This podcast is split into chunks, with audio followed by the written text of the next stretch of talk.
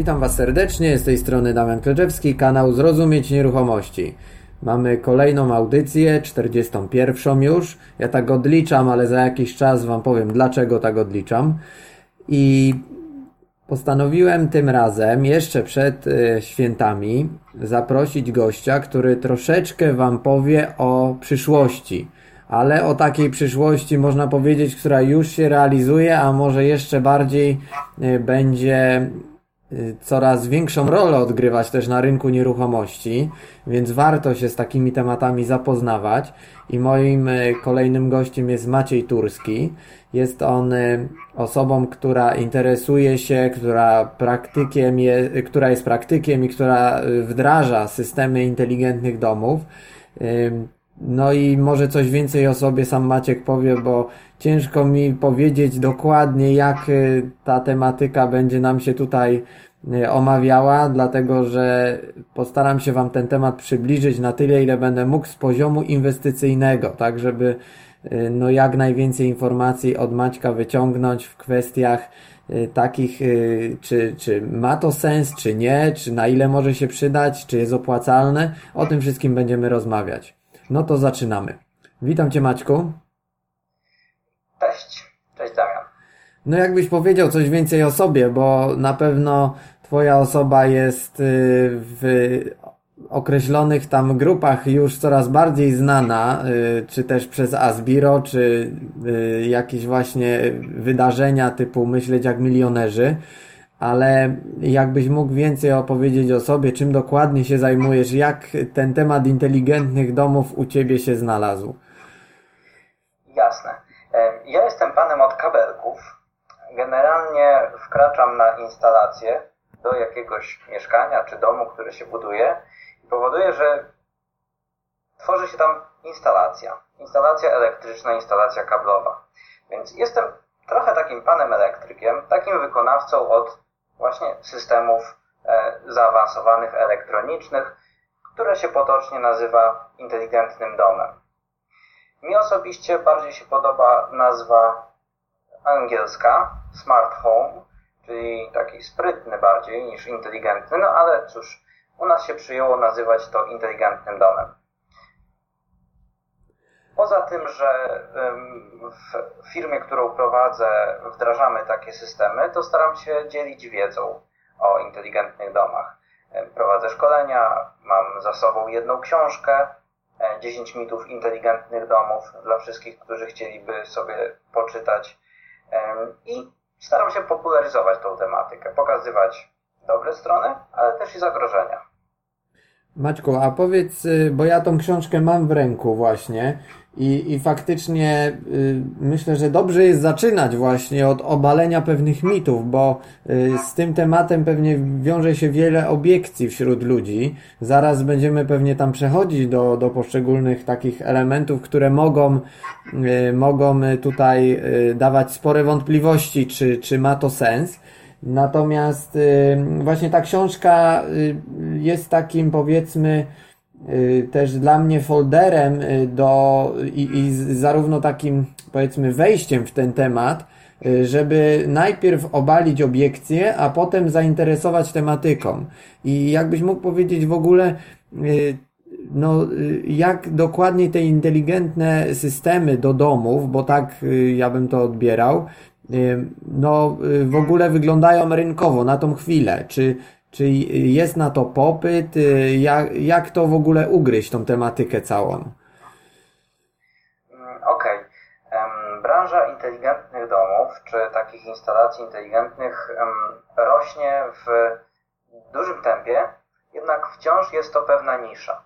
Spodziewam się, że za 3-5 lat ten rynek będzie wyglądał zupełnie inaczej jeśli teraz możemy mówić o jakimś udziale procentowym tak zwanych inteligentnych domów e, wśród wszystkich, pewnie to będzie nie więcej niż 1%. Natomiast myślę, że za 3-5 lat e, to już będzie zdecydowanie więcej, szczególnie wśród nowo budowanych domów.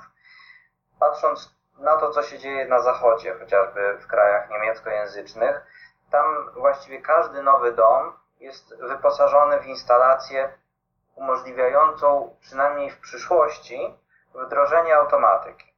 I teraz tak mówimy inteligentny dom, mówimy automatyka, ale co to tak naprawdę jest? Co to jest za produkt, czy, czy co to jest za usługa, czy, czy co to tak naprawdę ma dać ostatecznie inwestorowi czy użytkownikowi? Warto spojrzeć na inteligentny dom jak na takiego młodszego brata systemu alarmowego. To akurat mniej więcej wszyscy wiemy, jak wygląda system alarmowy. Ma jakieś czujniki, przynajmniej czujniki ruchu czy czujniki otwarcia drzwi, ma jakieś manipulatory naścienne, klawiatury, ma wreszcie jakieś możliwości zasygnalizowania nam o jakichś nietypowych zdarzeniach, na przykład zalaniu czy włamaniu. I to mogą być sygnalizatory, może to być dzwonienie na telefon, czy mm, powiadomienie na, na aplikacji. Inteligentny dom jest czymś bardzo podobnym, tylko zakres funkcjonowania jest szerszy, bo dotyczy też oświetlenia, ogrzewania, klimatyzacji, wentylacji, wszystkich technologii, które mamy w domu. I właściwie to mm, tutaj należałoby szukać właściwej takiej korzyści, przewagi, e, którą inteligentny dom może dać. Czyli łącząc te wszystkie technologie, którym, które, wy, my, które, o których powiedziałem, może powstać efekt synergii. Co to znaczy? Kiedy te elementy ze, ze sobą zaczynają współpracować, to może pojawić się jakaś dodatkowa korzyść. Jaka?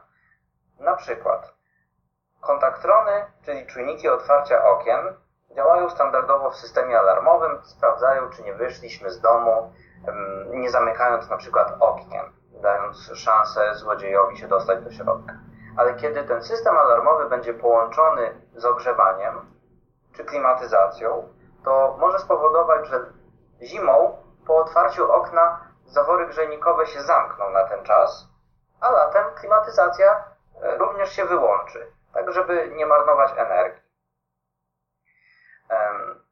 Dalej idąc tym tropem, rolety, które standardowo sterowane są po prostu pilocikiem czy przyciskiem naściennym, też mogą wspierać sterowanie ogrzewaniem czy chłodzeniem. Na przykład, kiedy nie ma nas w domu, mogą latem zamykać w ciągu dnia rolety, żeby nie przegrzewać pomieszczeń, a zimą z kolei w nocy mogłyby się zamykać, żeby nie wypromieniowywać energii na zewnątrz. I tak właściwie pomiędzy każdym jednym elementem, który o którym powiedziałem wcześniej, oświetleniu, ogrzewaniu, systemie alarmowym, istnieją jakieś zależności. I to jest, to jest w mojej ocenie największa korzyść, jaką może dać inteligentny dom. Maćku, a powiedz, y, y, y, bo tak słucham tego, jest to dobrze brzmiąca zapowiedź no, ciekawego produktu, bym powiedział. Tylko na ile to się, że tak powiem, udaje wdrożyć dzisiaj na rynku nieruchomości w te typy budownictwa, jakie mamy. Bo tak czuję, że to jest bardziej domena i będzie domena deweloperów, kiedy y, domy czy całe budynki będą powstawały od podstaw y, już zaprojektowanym takim systemem inteligentnym, y, z tymi czujnikami, z, ty, z tymi wszystkimi bajerami, a na ile takie coś udaje się wdrażać w starym budownictwie, jak wielka płyta, kamienice? Mhm. najczęściej moi klienci, e, którym instalujemy mm, system automatyki, budują dom, rzeczywiście albo samodzielnie, albo mm, pracują z firmą deweloperską, albo jeśli jest to mieszkanie, to jest to remont mieszkania. Na tyle gruntowny remont, że kładzie się nową instalację elektryczną, kładzie się nowe okablowanie. Więc jest to remont no, już taki do tynkowania od nowa, właściwie ścian, albo przynajmniej wykonywania gładzi. E, niekoniecznie jest to związane z deweloperem, nie trzeba oczekiwać od, od dewelopera, że coś takiego wdroży. Jest jeszcze rozwiązanie bezprzewodowe, e, które w większości przypadków zupełnie nie wymaga prowadzenia okablowania. Zdania na temat systemów bezprzewodowych są podzielone, to mogę powiedzieć od razu. Wątpliwości budzi niezawodność, fakt, że często okablowanie i tak jest potrzebne, bo potrzebujemy zasilania, na przykład do rolet czy oświetlenia, więc tego kabla nie unikniemy i jednak wyższa cena. Ja osobiście, jak możesz zauważyć, prawdopodobnie jestem zwolennikiem rozwiązań przewodowych, które, które są po prostu niezawodne. I nic nie stoi na przeszkodzie, żeby instalować takie systemy w mieszkaniach, w kamienicach. Ja sam mieszkam w mieszkaniu, co prawda akurat nie jest to wielka płyta Arama H, jest to nieduże mieszkanie, natomiast nic nie stanowiło, e, nie stanowiło problemu, żeby poprowadzić okablowanie w trakcie remontu. W końcu zwyczajne okablowanie do gniazd, do światła jest tam położone, więc nic nie stoi na przeszkodzie, żeby było również inne.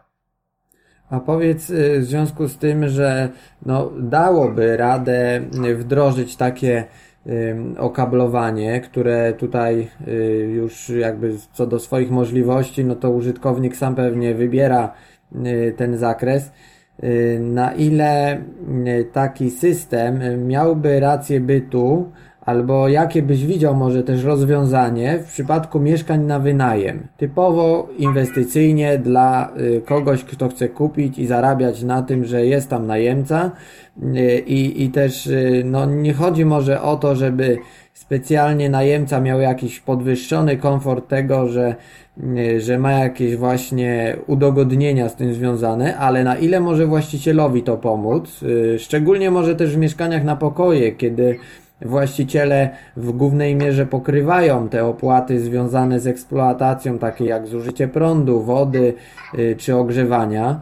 Y, no i, i właśnie na ile ten system inteligentny jest w stanie tutaj w tym zakresie pomóc?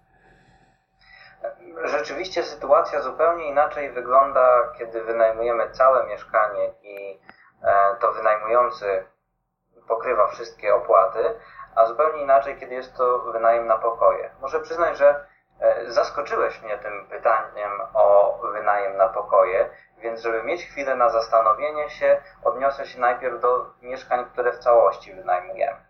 Tutaj widzę takie dwa kierunki. O pierwszym e, krótko, bo można ten temat wyczerpać. Mam wrażenie, że um, mieszkań E, klasy premium na wynajem jest e, zdecydowanie mniej, zauważyłem, że często wcale nie tak wiele trzeba, żeby nasze e, mieszkanie stało się klasy premium.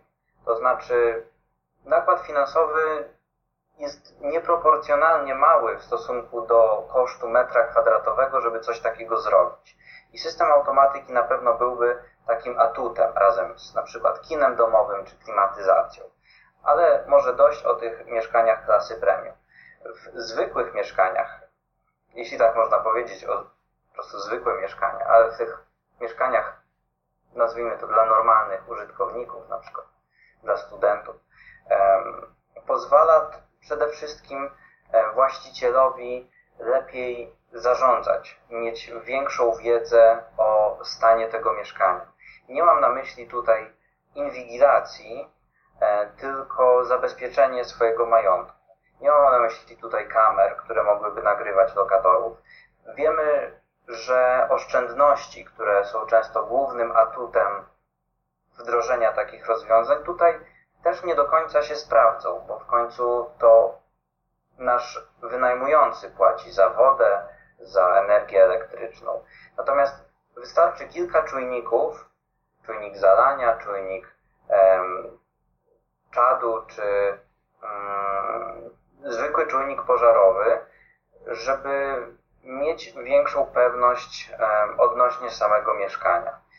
Niekoniecznie tutaj potrzebny jest cały system automatyki, jak, jak to wcześniej określiłem. Czasami zwykły system alarmowy będzie pełnił te same funkcje i zrobi to równie dobrze i będzie pewnie często tańszym rozwiązaniem, ale umożliwi zapanowanie nad, nad, nad bezpieczeństwem nieruchomości po prostu samej w sobie. Więc takie czujniki bezpieczeństwa tutaj się sprawdzą. No na pewno, tak, no na pewno czujnik y, zalania ma tutaj y, jakieś, jakieś uzasadnienie, dlatego że w mieszkaniach, gdzie jest duża eksploatacja, szczególnie w tych na pokoje, No y, i, i w okresie, kiedy na przykład y, y, jakaś tam rurka może strzelić, a nikogo nie ma, no to faktycznie bezpośredni jakiś y, kontakt tego systemu do właściciela, czy to na telefon, czy, czy maila, y, ma, ma ten sens. Tylko w jaki sposób to konkretnie działa? Jakbyś opisał na przykład właśnie ten czujnik zalania, bo to, to akurat mnie zainteresowało i na ile to jest kompatybilne z różnymi platformami, czy to jest przewidziane na jakiś konkretny system, czy aplikacja i na ile to jest ze sobą, że tak powiem, jakby to ująć, komunikatywne, bo y, nie zawsze mamy dostęp do internetu i czasami czy, czy taki system potrafi, nie wiem, zadzwonić do mnie na telefon, wysłać SMS-a, y, że, że coś takiego się dzieje i mam reagować. Jak to działa? Sam jestem miłośnikiem e, nieruchomości, wynajmu nieruchomości, też wiążę z tym przyszłość. E, jestem waszym człowiekiem, że tak powiem, i wiem, że należy liczyć pieniądze przy wynajmie. I nie chciałbym e, proponować tutaj rozwiązania za 10 tysięcy złotych, które możliwe, że nigdy się nie zwróci. Najlepiej, żeby się nigdy nie zwróciło. Chciałbym tutaj powiedzieć może o kilku, nazwijmy to sprytnych rozwiązaniach, które często niewielkim kosztem można wdrożyć e, w swoim wynajmowanym e, mieszkaniu, żeby po prostu technologia nam służyła. I nieważne, czy nazwiemy to systemem alarmowym, inteligentnym domem, czy czymkolwiek innym. Po prostu, jeśli chcemy mieć tanie, dobre rozwiązanie, to, to to będą takie pomysły. Więc pierwszy pomysł, o którym tutaj mówimy. Czujnik zalania kosztuje 60 zł. Potrzebny do niego jest zasilanie, czyli pierwszy lepszy zasilacz. Może być też bezprzewodowy na baterię, ale wtedy będziemy mieli kłopot i więcej serwisowania. Więc załóżmy, że mamy zasilacz i czujnik um, zalania. Wszystko to kosztuje 70 zł. Co zrobić, żeby nam się e, komunikowało e, z nami? Można tutaj mówić rzeczywiście o jakichś aplikacjach internetowych, tego typu rozwiązaniach, ale pamiętajmy, że mimo, że tak popularne, codziennie ich używamy, ale są dosyć zawodne. Nawet SMS jako usługa dostawcy GSM e, również może nigdy nie dojść do, do odbiorcy. Może, nigdy sieć nie zagwarantuje, że ten SMS dojdzie. Więc co innego? Najprostsze wdzwanianie się. Możemy mieć kartę SIM zarejestrowaną na nas. Niestety teraz przyszła pora na rejestrowanie. Przypisać dany numer telefonu do lokalizacji zapisać sobie w telefonie i wtedy wiemy, że jeśli ten numer do nas dzwoni, to jest to na przykład mieszkanie paryska, zalanie, prawda? I samo to wdzwanianie powoduje, że możemy zareagować, zadzwonić do lokatorów, czy jeśli wiemy, że lokatorów nie ma, to, e, to jakoś inaczej zareagować, przyjechać tam. Więc czego potrzebujemy, żeby coś takiego zrobić? Wspomniałem o czujce zalania i zasilaczu. I jeszcze tak zwana płytka komunikacyjna, do, która ma po prostu złącze na e, kartę GSM. Taka płytka, jeśli mogę powiedzieć z głowy jakąś nazwę, e, to będzie GPRS T-4. To jest jedna z wielu, możemy poszukać tańszych, droższych, e, ale coś takiego firmy Satel kosztuje, zdaje się, 300 zł. Więc w cenie 400 zł możemy tak naprawdę dać, wprowadzić niezłe zabezpieczenie naszego domu. Kiedy mamy już tą stację GSM, do tej samej stacji możemy podpiąć czujnik pożarowy. To jest kolejne 50 zł, czy nawet 100 zł. I mamy panowanie już nad dwoma jakimiś takimi niebezpiecznymi sytuacjami. Jest to rozwiązanie zdecydowanie budżetowe, ale spełni swoją rolę. Maćku, a jak duże są te czujniki? Y, czy też jest jakaś możliwość, y, y, powiedzmy, no takiego sens, no jakby to nazwać, takiego skrytego montażu ich, żeby one tak nie uwypuklały się, kiedy się wchodzi do danego pomieszczenia, albo żeby po prostu nie przeszkadzały, bo też mówisz o zasilaczu i tutaj w przypadku łazienki trzeba by było zapewnić dodatkowe gniazdo na odpowiedniej wysokości, które by było przypisane do takiego czujnika, czy wpinamy się po prostu w instalację i ciągle jest taki czujnik podłączony y, gdzieś y, po prostu w okolicach, y, które tam użytkownik sobie wyznaczy. Można zrobić to na kilka sposobów, jak to zazwyczaj, ale bardzo fajnie sprawdza się e, szacht który często jest przy łazience albo nawet pomiędzy łazienką a kuchnią. E, szacht, w którym są poprowadzone rury kanalizacyjne, wodne. Często jest tam wyprowadzone też zasilanie, na przykład do e, kinkietu przy lustrze łazienkowym. Więc mamy przestrzeń, w której możemy założyć najzwyklejszą puszkę, żeby upchnąć tam to, ten zasilacz, wyciągnąć kilka kabelków które już wyjdą z szachtu do samej czujki. Gdzie taką czujkę najlepiej zamontować? Tak jak powiedziałeś, żeby jej nie było widać. Większość e, szafek łazienkowych ma u dołu taką szczelinę. Często stawia się, wsuwa się tam e, wagę łazienkową czy jakieś drobiazgi. E, taka szczelina świetnie się sprawdzi, żeby tam w głębi, nie rzucającą się w oczy czujkę zalania zamontować. Mhm. No tak. No to, jest, to jest moja propozycja. Mhm. No to na pewno jest to mało widoczne, a z drugiej strony y, no faktycznie daje takie bezpieczeństwo, jak sobie potrafię to wyobrazić, y, co może spotkać na przykład y, kawalerkę czy mieszkanie na pokoje, w którym nie ma nikogo, a woda zaczyna się lać, a na przykład sąsiadów też nie ma, tych pod spodem i nagle mamy jedno, dwa piętra podlewane a o różnych godzinach możemy mówić. Może coś takiego się zdarzyć nawet w nocy przecież. Y, a powiedz mi, y, jaka jest y, faktycznie jakość tych sprzętów, bo czy możemy tu mówić jakby o firmie, z którą ty współpracujesz, czy ją tworzysz i bazujesz na jakichś określonych produktach, a za inne nie jesteś w stanie się wypowiedzieć, czy w ogóle jakość tych produktów związanych z inteligentnymi systemami y, jest y, zbliżona tylko kwestia marki i, i generalnie ten segment y, jest w podobnej jakości. Jaka jest też żywotność takiego systemu?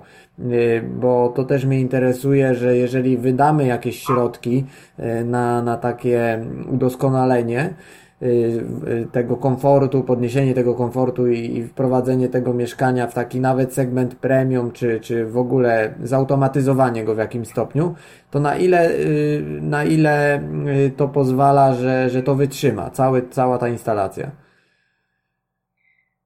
Jeśli mówimy o takim rozwiązaniu, które przedstawiłem przed chwilką, czyli jedna, dwie czujki plus prosta karta GSM, to jest to segment systemów alarmowych. Te rozwiązania jakościowo są bardzo zbliżone do siebie. My korzystamy z jednego, dwóch producentów, ale spokojnie można przejrzeć to, co rynek oferuje i to będzie w zbliżonej cenie i w zbliżonej jakości. Nie, nie mam tutaj obaw, żeby, żeby coś takiego śmiało powiedzieć, że, że one będą wszystkie równie dobre, będą przeznaczone do pracy przez wiele lat, spokojnie przez 5-10 lat nie trzeba się o coś takiego martwić. Jeśli jednak chodzi o inteligentne domy, tutaj wkraczamy w ten rynek premium wynajmu, to z jakością, z możliwościami e, systemów jest bardzo, bardzo różnie. To jest tak naprawdę temat rzeka, bo różne też są potrzeby.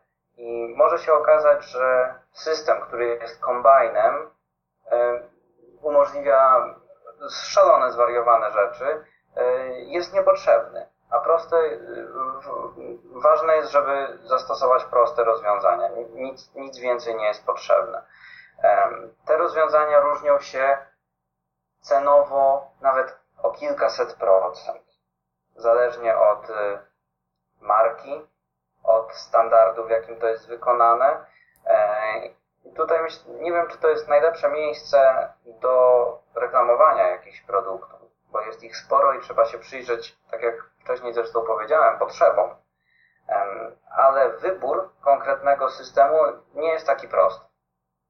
Maćku, a powiedz mi, y, porozmawiajmy może tak, chwilę o liczbach, bo wspomniałeś, że są to oszczędności i, i na pewno y, tutaj ma to duże znaczenie z punktu widzenia też inwestycyjnego, nie tyle w sam system, co w przypadku, kiedy mówimy o tym, że to mieszkanie ma mieć charakter inwestycyjny, czyli nawet jeżeli dajemy w pełni zautomatyzowane Y, takie mieszkanie nawet w najem, to, to ma to przynieść jakąś oszczędność. Jakbyś po, posłużył się jakimiś chociaż szacunkowymi liczbami, Y, jak to wygląda w przypadku, nie wiem, oszczędności na prądzie, na wodzie, na, y, na tym, że jest blokada jakaś w przypadku, y, w przypadku otwarcia okna, jak wspominałeś, czy jeszcze gdzieś jakieś inne aspekty mogłem tutaj pominąć, ale jakbyś mógł trochę o tym, o tych oszczędnościach z konkretnymi liczbami coś powiedzieć. Mhm. Niedawno pisałem artykuł, w którym skupiłem się tylko na oszczędnościach, e, pomijając e, wszystko, co jest związane z, nazwijmy to, gadżeciarstwem. Wyszło mi, że taki system skrojony tylko do generowania oszczędności może kosztować, wyszło około 14 tysięcy złotych, a oszczędność roczna szacowana była na poziomie 3,5 tysiąca. Tutaj mówimy o domu jednorodzinnym, nie o mieszkaniu. E, więc e, stopa zwrotu to było 20 kilka, czy może 30 kilka procent nawet. I to, to daje do myślenia, że, że te rozwiązania mogą do tego służyć. Wystarczy podeprzeć się tym, że domy pasywne, czyli domy bardzo niskoenergetyczne, praktycznie muszą posiadać system zarządzania, taki jak inteligentny dom, żeby spełnić tak wysokie kryteria. System automatyki w mieszkaniu nie da nam tak mm, wysokich, e, tak atrakcyjnych rezultatów, tak wysokich stop, stóp zwrotu, bo warunki są trochę inne. ogrzewanie z reguły jest zdecydowanie tańsze. Chyba, że mówimy o kamienicach czynszowych w Łodzi czy Krakowie, które często są ogrzewane energią elektryczną. Wtedy mamy pole do popisu.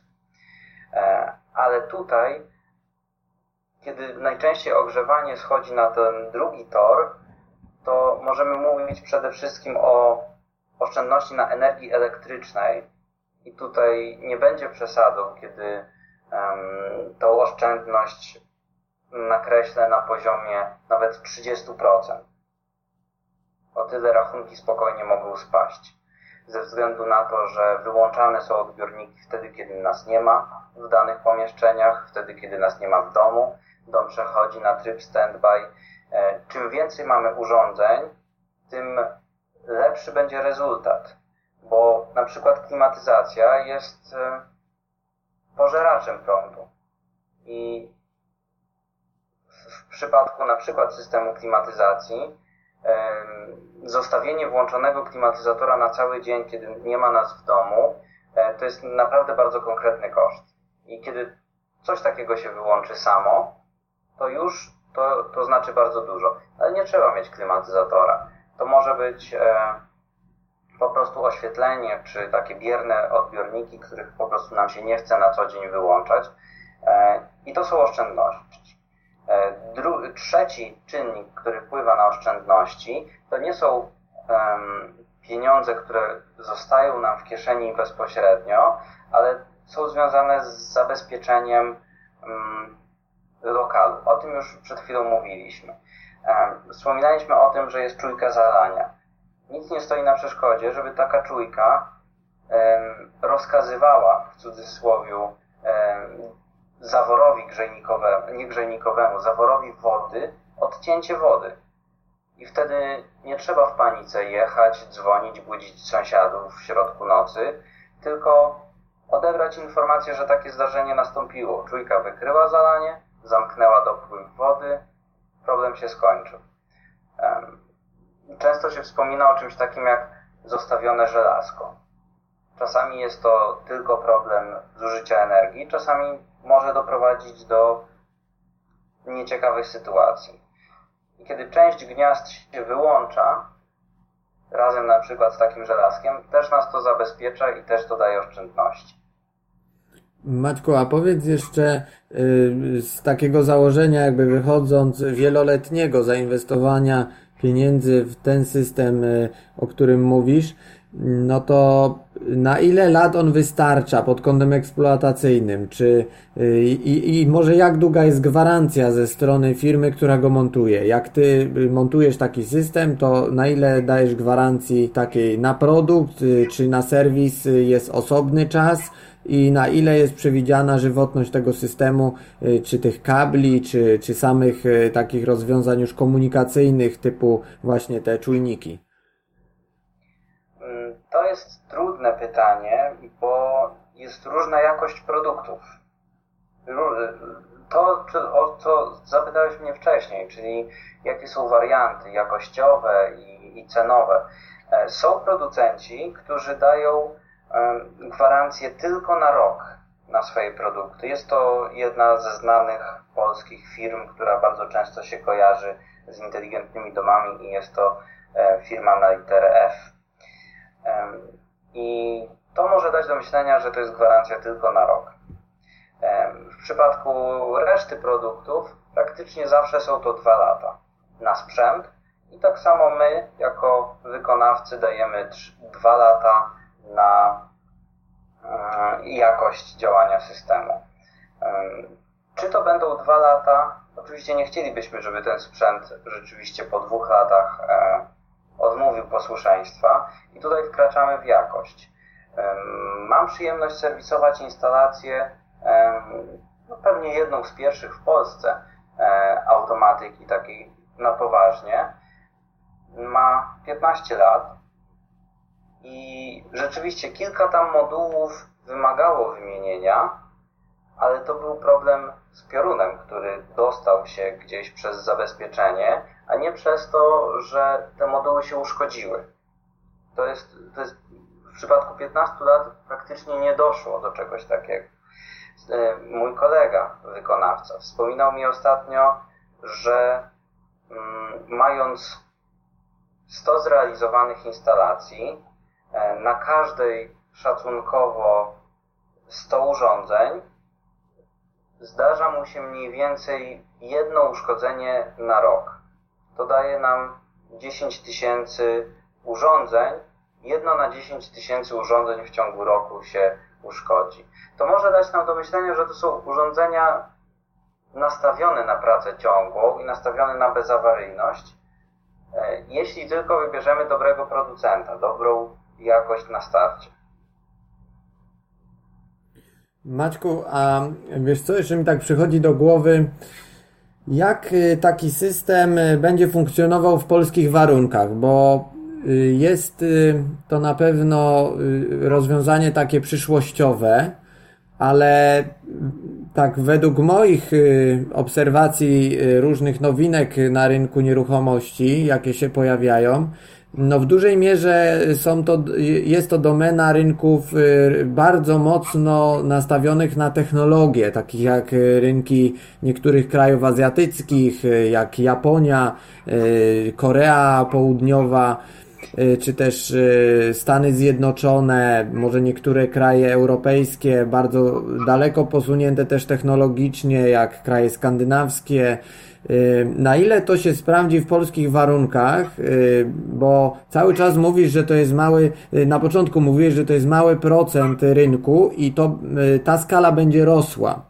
Y, Polska w mojej takiej ocenie jest dość specyficznym krajem i jak takie systemy tutaj planujesz jakby tutaj rozwijać pod kątem marketingu ich, czy też no, takiego y, poszerzania możliwości ich wdrażania? Odpowiem na to pytanie na dwa sposoby. Po pierwsze, czuję się popularyzatorem tej idei. Lubię o tym mówić, lubię opowiadać o tym, jakie to możliwości daje, dzielić się, swoją, dzielić się swoją wiedzą, przekazywać różne warianty, różne możliwości, tak żeby każdy dobrał coś dla siebie. Natomiast moja ta druga strona to e, wykonawca, instalator, prowadzę firmę, która realizuje te systemy. I tutaj jestem bardzo daleki od tego, żeby kogokolwiek namawiać do takich systemów. I ja praktycznie bazuję wyłącznie na klientach, którzy e, sami e, chcą takie rozwiązania wprowadzić. Jestem daleki od tego, żeby kogokolwiek namawiać na moje usługi, więc, więc tutaj z jednej strony może nastąpić ten boom, będziemy się wtedy martwić, jak to zapotrzebowanie obsłużyć.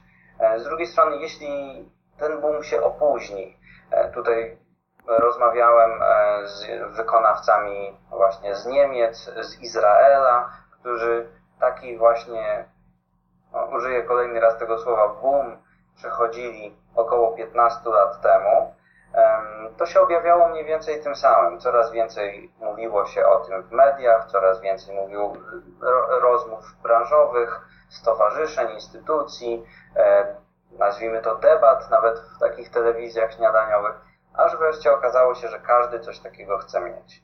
Jak będzie u nas, nie potrafię na to pytanie odpowiedzieć.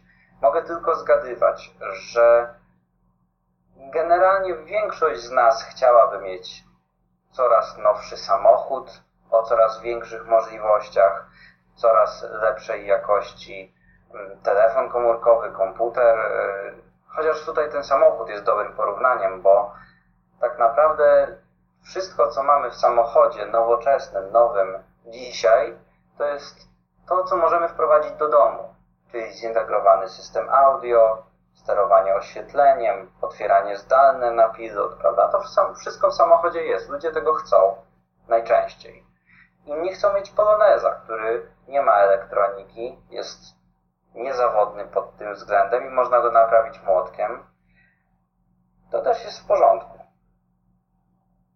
Dlatego myślę, że, ten, że ta popularność musi rosnąć, bo, bo jest to w pewien sposób naturalne w tych czasach, że ludzie chcą mieć więcej, chcą mieć lepiej. Maćku, a jeszcze takie zastrzeżenie mi przyszło do głowy co do samego, powiedzmy, takiej bezawaryjności. Y, jak ten system się zachowuje, jeżeli zabraknie prądu, nawet czasowo, y, nie wiem, godzinę, dwie, a w tym czasie y, właśnie jakieś zdarzenie niefortunne typu włamanie, zalanie czy tam inne by się miało zdarzyć jak y, y, sobie tutaj powiedzmy, jaka jest alternatywa do, do zasilania sieciowego, czy jest jakieś y, zasilanie zapasowe, chociaż czasowe do, do tego całego systemu wprowadzonego do mieszkania czy domu? Um, za te najdelikatniejsze, nazwijmy to czujniki, jak um, włamania, zalania czy pożaru odpowiada system alarmowy. On może być częścią inteligentnego domu, ale jest w pewien sposób wydzielony. I absolutnym standardem jest zasilanie awaryjne w postaci po prostu akumulatora takiego systemu alarmowego. Zależnie od tego, jak, jakiego akumulatora użyjemy, jak dużo mamy tych czujek, to podtrzymanie może być na poziomie 5 godzin, 15 albo nawet 2 dni na przykład. W tym momencie system alarmowy ciągle analizuje, ciągle może do nas zadzwonić, wysłać SMS-a, ciągle sprawdza, czy to zadanie jest. Natomiast ta część elektryczna inteligentnego domu, sterowanie oświetleniem czy, czy ogrzewaniem, no to niestety najczęściej nie jest zasilona, ale z drugiej strony, mimo że mimo, jeśli nie ma prądu, to i tak światła nie włączymy. Więc e, można myśleć o zasilaniu awaryjnym, można wydzielić kilka obwodów, na przykład o niskim zużyciu energii, jakieś drobne punkty LEDowe, które w przypadku wyłączenia zasilania będą dodatkowo podtrzymywane, żeby chociażby ewakuować się z domu, w jakiś taki komfortowy sposób, czy, czy ten czas przeczekać, to jest myślę jakaś kolejna korzyść z inteligentnego domu, że takie rzeczy można wprowadzić nawet w przyszłości, po paru latach od mieszkania. A powiedz jeszcze taką rzecz, y, bo mówimy o różnych takich aspektach pozytywnych tego systemu. Y, ty mówisz i, i opisujesz to. Y, brzmi to fajnie. A powiedz, czy są jakieś wady? Czy coś, co wymaga ciągłego udoskonalania jeszcze, żeby ten system był jeszcze lepszy, żeby on może był nie tyle jakościowo, co pod kątem funkcjonalności Y, jeszcze tutaj bardziej dokładny, zapewniający nam większe spektrum możliwości, opcji. Y, czy takie rzeczy jeszcze są? Jeśli, jeśli możemy porozmawiać o wadach, bo wady na pewno są, to taką pierwszym może zagrożeniem, tak bym to określił, e, jest poziom skomplikowania e, systemu. To znaczy, może nie tyle skomplikowania, a cała instalacja E, okablowania domu jest szersza. Jest tego po prostu więcej. I jeśli ekipa wykonawcza, elektrycy, którzy prowadzą te prace, nie zadba o to, to może się pojawić chaos na instalacji. Idąc dalej, może się okazać, że mamy system automatyki, wszystko działa, ale nie poświęciliśmy wystarczająco dużo uwagi, albo programista który z nami pracował, nie poświęcił wystarczająco dużo uwagi, żeby wprowadzić te wszystkie inteligentne rozwiązania, o których tutaj mówimy, do kodu, do programu. I okazuje się, że mamy zaawansowany system, ale on się sprowadza tylko do włączania przez komórkę oświetlenia. To jest na pewno zagrożenie. Muszą, muszą być wypracowane pewne standardy Y, możliwości, o których tutaj mówimy, żeby się nie okazało, że instalacja, która kosztuje jednak więcej niż zwykła, znacząco, służy tylko do tego, żeby włączać i wyłączać przez komórkę światło. Prawda? E, kolejna rzecz e, odnośnie systemów automatyki. E, nasz telefon komórkowy, w którym mamy aplikację do sterowania naszym domem, czasami roletami, czasami alarmem, czasami nawet E, zamkiem do drzwi wejściowych, e, staje się takim kluczem dostępu. I jeśli nie dbamy o bezpieczeństwo tego telefonu, tak że na przykład każdy może e, odpalić tą aplikację, kiedy telefon zgubimy, zostawimy na biurku, to tak naprawdę każdy ma dostęp do tego domu. Trzeba tego po prostu pilnować. To jest takie BHP, żeby mieć chociażby naszą komórkę zabezpieczoną hasłem i i, i będzie w porządku, ale często się tego nie robi, trzeba zwracać na to uwagę. Y, Maćku, jeszcze chciałem wrócić do tego pytania, które Ci wcześniej zadałem odnośnie mieszkań na pokoje i, i takich oszczędności, które może taki system nawet y, najtańszych lotów wprowadzony dać jakąś oszczędność inwestorowi. Czy coś Ci tu przyszło na myśl, żeby takiego zaproponować? Pozwól, że jeszcze dopytam. Najczęściej, jak rozumiem, mówimy o wynajmie długoterminowym, tylko kiedy mieszkanie dzielimy od razu jako właściciele na pokoje. Dobrze rozumiem? No, dokładnie tak. Okej. Okay. Może to być jakiś sposób na podzielenie e, kosztów za energię elektryczną czy za wodę. Możemy w dosyć prosty sposób sprawdzać, kto jest w mieszkaniu, sprawdzać na bieżąco, chociażby z, z poziomu komórki, odczyty z liczników energii elektrycznej i eksportować chociażby do Excela, gdzie, gdzie to będzie analizowane. I być może w większości przypadków to będą grosze, jak to podzielić, ale jeśli wykryjemy, że ktoś zużywa na przykład sporo energii, to możemy mu chociażby zwiększyć proporcjonalnie czynsz do, do, do zużycia. Mieć tak umowę skonstruowaną, mieć tak wykonywany pomiar, że jeśli zużywa znacząco ponad miarę, to jest to, e, jest to jakaś forma doliczenia e, za to. Ja tu może ze swojej strony tak e, może trochę humorystycznie dodam, bo to nie jest jakiś wielki, inteligentny system, który ja zastosowałem w kilku takich mieszkaniach. Y, żeby zoptymalizować koszty y, zapalanego światła szczególnie w korytarzach, czyli tych częściach wspólnych, jak najemcy wchodzą do mieszkania, zapalają światło, idą do pokoju i często to światło się pali, pomimo tego, że mamy żarówki LEDowe wszędzie, to i tak energia jest zużywana. No to zaczęliśmy stosować czujnik ruchu z doliczanym czasem. Czyli w momencie, kiedy ktoś wejdzie, światło się zapala, nie trzeba montować już włączników na, y, na ścianach, więc tutaj jest jakaś powiedzmy mikrooszczędność. Y, czujnik taki nie jest drogi, a doliczany czas jest o tyle istotny, że daje taki komfort przebywania w pomieszczeniu, kiedy się ruszamy, bo y, głupotą by było montować czujnik, który nie miałby tego doliczania i co chwilę, y, czyli co chwilę tam powiedzmy co 15, 20, 30 sekund maksymalnie ileś tam czujnik nam pozwala wykorzystać, a jesteśmy w korytarzu na przykład 15-20 minut, no to by nam wymuszałby na nas jakiś ruch, y, albo by gasł i zapalał się, więc y, y, światło by się gasło, gasiło i zapalało, więc to nie byłoby komfortowe.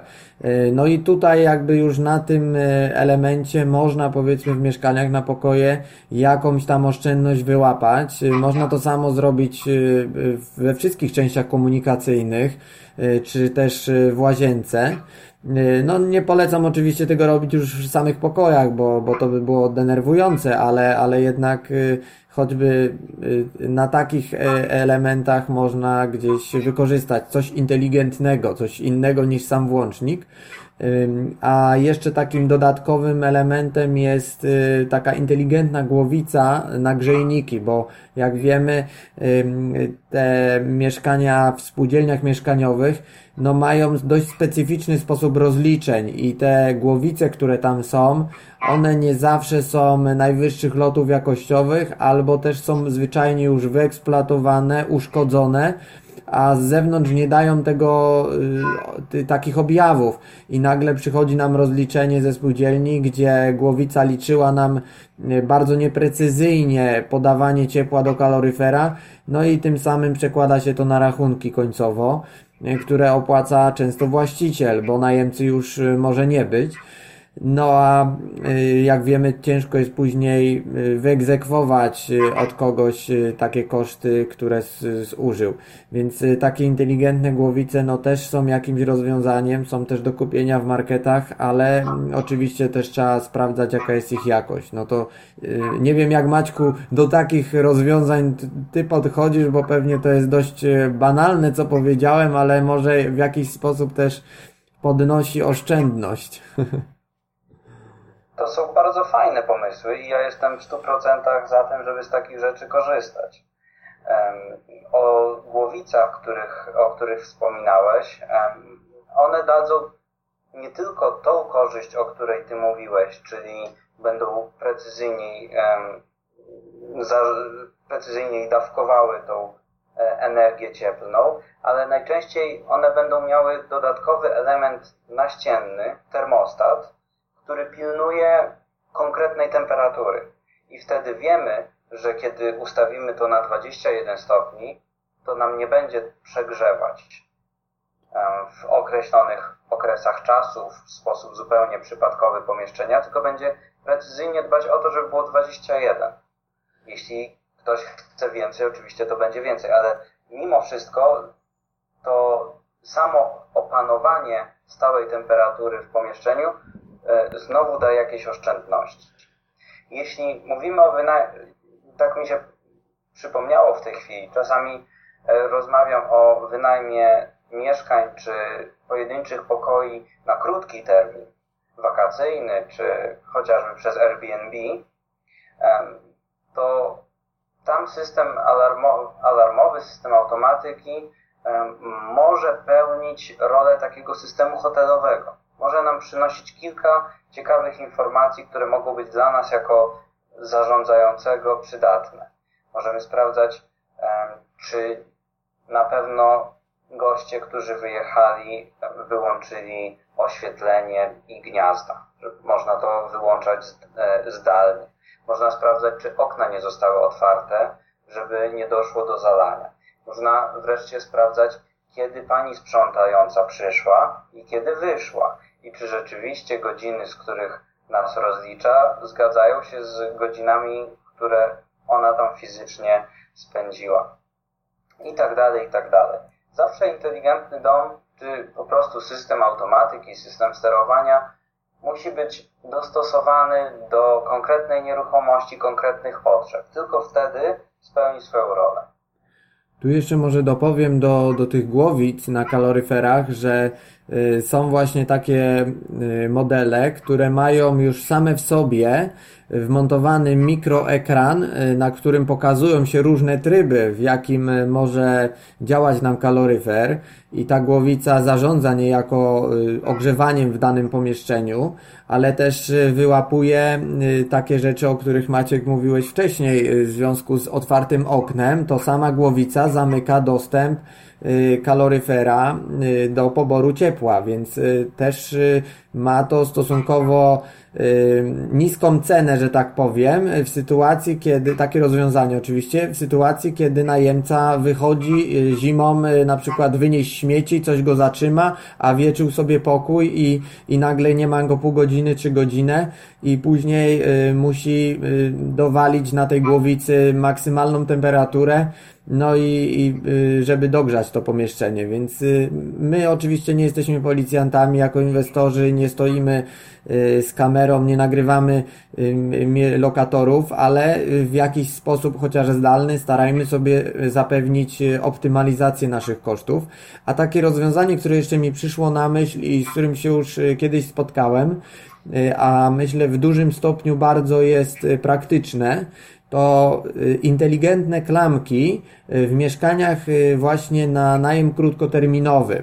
Y, tu mam na myśli takie rozwiązanie y, z tą klamką, kiedy y, na przykład oferujemy jakieś mieszkanie przez Airbnb czy Booking, czy w jakiś inny sposób i pojawia się zainteresowana osoba, no to y, musimy jechać y, lub kogoś wysyłać y, z kluczami, żeby ta osoba przekazała te klucze. A ta inteligentna klamka pozwala dopasować jednorazowy kod dla użytkownika i wysłać mu SMS-em ten kod z naszej strony, więc jest to o tyle wygodne, że po każdorazowym takim na przykład kilkudobowym najmie resetuje się na nowo i nadaje nowy kod, więc odchodzi nam tak naprawdę naprawdę y, to jeżdżenie i, i kontrola związana z, z wydanym y, y, tym kompletem kluczy. Więc jeszcze jak mamy jakieś firmy dodatkowo zarządzające, no to jest już w ogóle super, bo ten biznes wtedy nam się fajnie automatyzuje. I jeszcze jedno pytanie mam już ostatnie do Ciebie Maćku. Na ile ten system jest w związku z tym bezpieczny? Bo mówiłeś, że łączy się on zdalnie z naszym mailem, telefonem, a na ile teraz ktoś może zaingerować w niego zdalnie, żeby go po prostu wyłączyć i na przykład y, wkraść się do naszego domu, jeżeli y, wyłapałby ten złodziej po dokładnej obserwacji, że no, coś jest na rzeczy, że jakieś systemy alarmowe, coś tam y, wyłączamy, włączamy i, i, i czasami no, może taka sytuacja mieć miejsce że gdzieś tam jesteśmy obserwowani i jak nas nie ma, no to nasz dom się staje celem i, i albo y, y, zdalnie, albo y, tak mechanicznie. Na ile to jest do wyłączenia ze strony takiej osoby, która chciałaby jakąś szkodę nam w taki sposób zrobić? Nasz dom jest tak bezpieczny, jak najsłabsze jego ogniwo. Najczęściej niestety to my jesteśmy tym najsłabszym ogniwem. To znaczy mm, nie pilnujemy zabezpieczenia, dajemy podpatrzeć pewne rzeczy, chociażby hasło na telefonie, także że ktoś będzie mógł dostać się do tego, zobaczyć jak może wyłączyć SMS-em na przykład system alarmowy, rozbroić. Więc, więc to jest zagrożenie, żeby takich rzeczy pilnować. Jeśli chodzi o włamanie się cyfrowe, mam tu na myśli hakera może, może, może hakera elektryka, który gdzieś tam się podepnie i, i, i wykona przeciążenie, e, to, to raczej jest to sfera mimo wszystko science fiction. Może nie, nie dlatego, że to nie jest możliwe, bo, bo z pewnością da się do tego jakoś podejść, dlatego że ciężko mi sobie wyobrazić złodzieja, który by poświęcał tygodnie na rozpracowanie naszego systemu, podczas gdy może na przykład wybić szybę i, i włamać się, czy, czy wykorzystać bardziej staroświeckie metody. I, i, I tym najsłabszym ogniwem będą po prostu e, okna, na przykład okna, czy, czy, czy drzwi, które można e, kluczem wyłamać, jakimś wytrychem. Nie obawiałbym się tego, że już mówiąc żartobliwie, armia chińskich hakerów będzie nam przy pomocy superkomputera próbowała wykryć nasze hasła. No to prawda, ja taką wersję założyłem dość e, skrajną, jednak nie niemożliwą, więc tak, żeby dopełnić tematu, e, chciałem też poznać ten zakres bezpieczeństwa.